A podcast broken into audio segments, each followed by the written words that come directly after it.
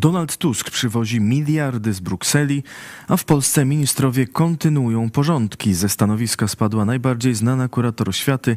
Antoni Macierewicz stracił podkomisję. W szpitalach będą kontrole, a w lasach państwowych znaleziono ciekawą kartkę ze zdjęciami posłanek.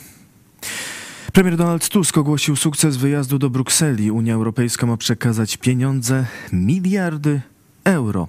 Tusk napisał na Twitterze: Nasze pieniądze wreszcie ruszyły. Na dzień dobry 22 miliardy złotych jeszcze w tym roku. Wniosek o kolejne 30 już złożony. Ciąg dalszy nastąpi. Premier wystąpił dziś na wspólnej konferencji z przewodniczącą Komisji Europejskiej Ursulą von der Leyen, która przekazała, że komisja jest gotowa do przekazania Polsce 5 miliardów euro w ramach prefinansowania, czyli w ramach zaliczki. Chodzi o pieniądze na program Repower Unia Europejska, Repower EU, które mają być przeznaczone na modernizację i odejście od paliw kopalnych w energetyce. Z otrzymanych środków sfinansowane mają być odnowienie wiejskich sieci energetycznych, budowa morskich farm wiatrowych czy budowa gazociągu z Gdańska na południe. Zaliczki ma dostać każde państwo, którego rewizja Krajowego Planu Odbudowy została zaakceptowana przed końcem tego roku, a 8 grudnia e, zostało to zrobione wobec Polski. Miały zostać e, te środki wypłacone w pierwszym kwartale przyszłego roku. Jednak, jak przekazała von der Leyen, sprawa jest przyspieszona i Polska ma dostać fundusze przed końcem tego roku.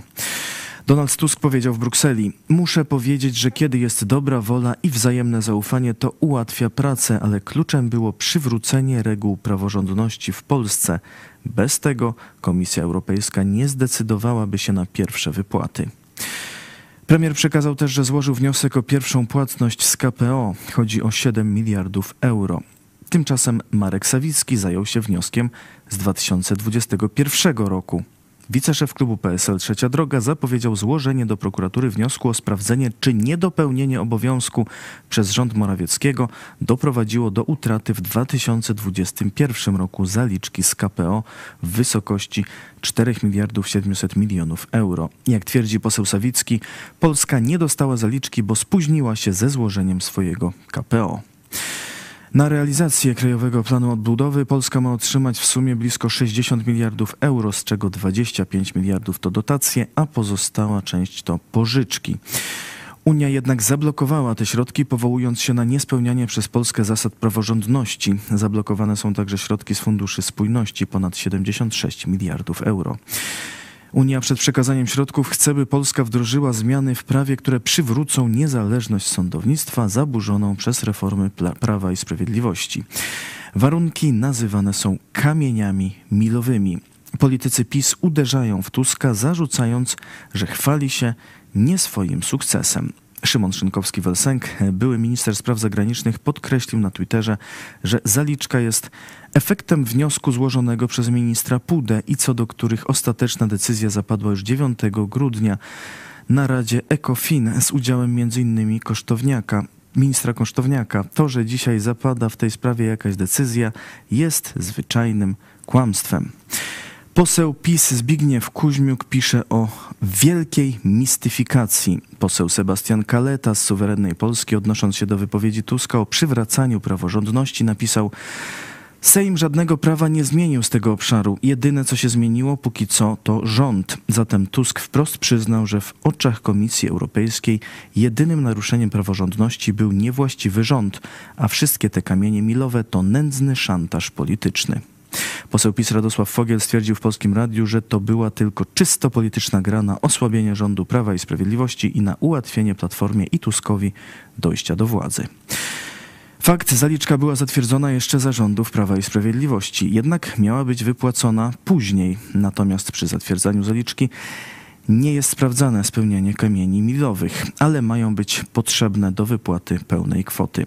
W każdym razie na wieści o miliardach optymistycznie zareagowała giełda. Indeks WIG dotarł do najwyższego poziomu w historii.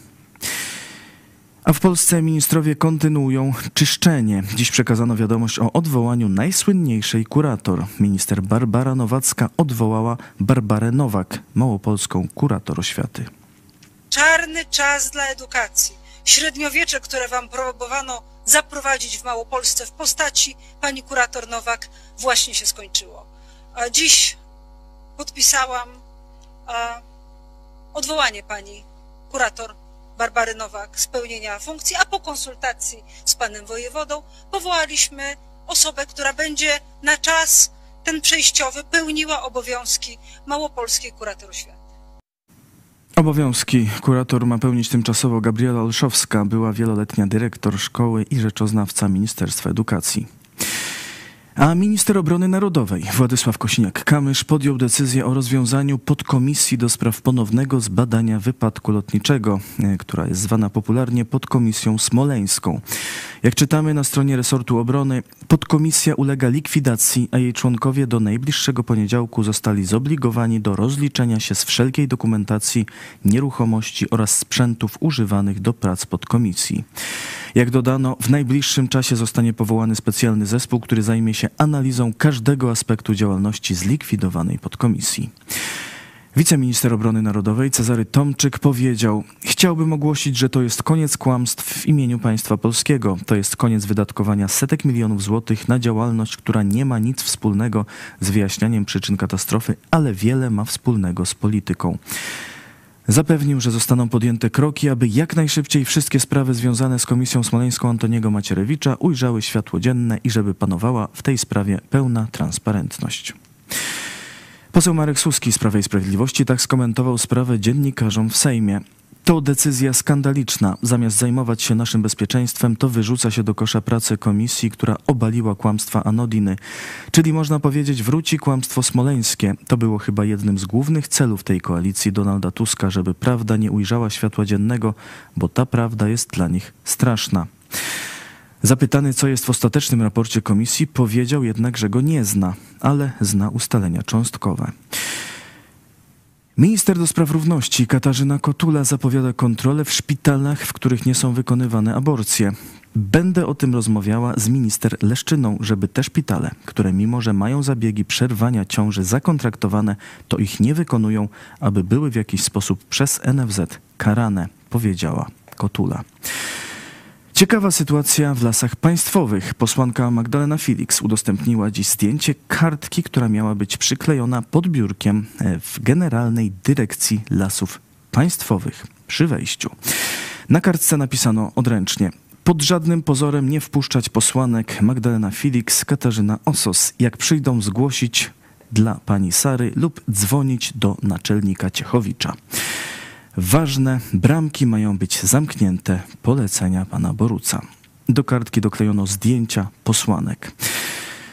Rok temu posłanki prowadziły w lasach państwowych kontrolę, dzięki której poznaliśmy kulisy konkursu Drewno jest z lasu. Lasy państwowe rozdały w nim 11 milionów złotych, w większości katolickim parafiom.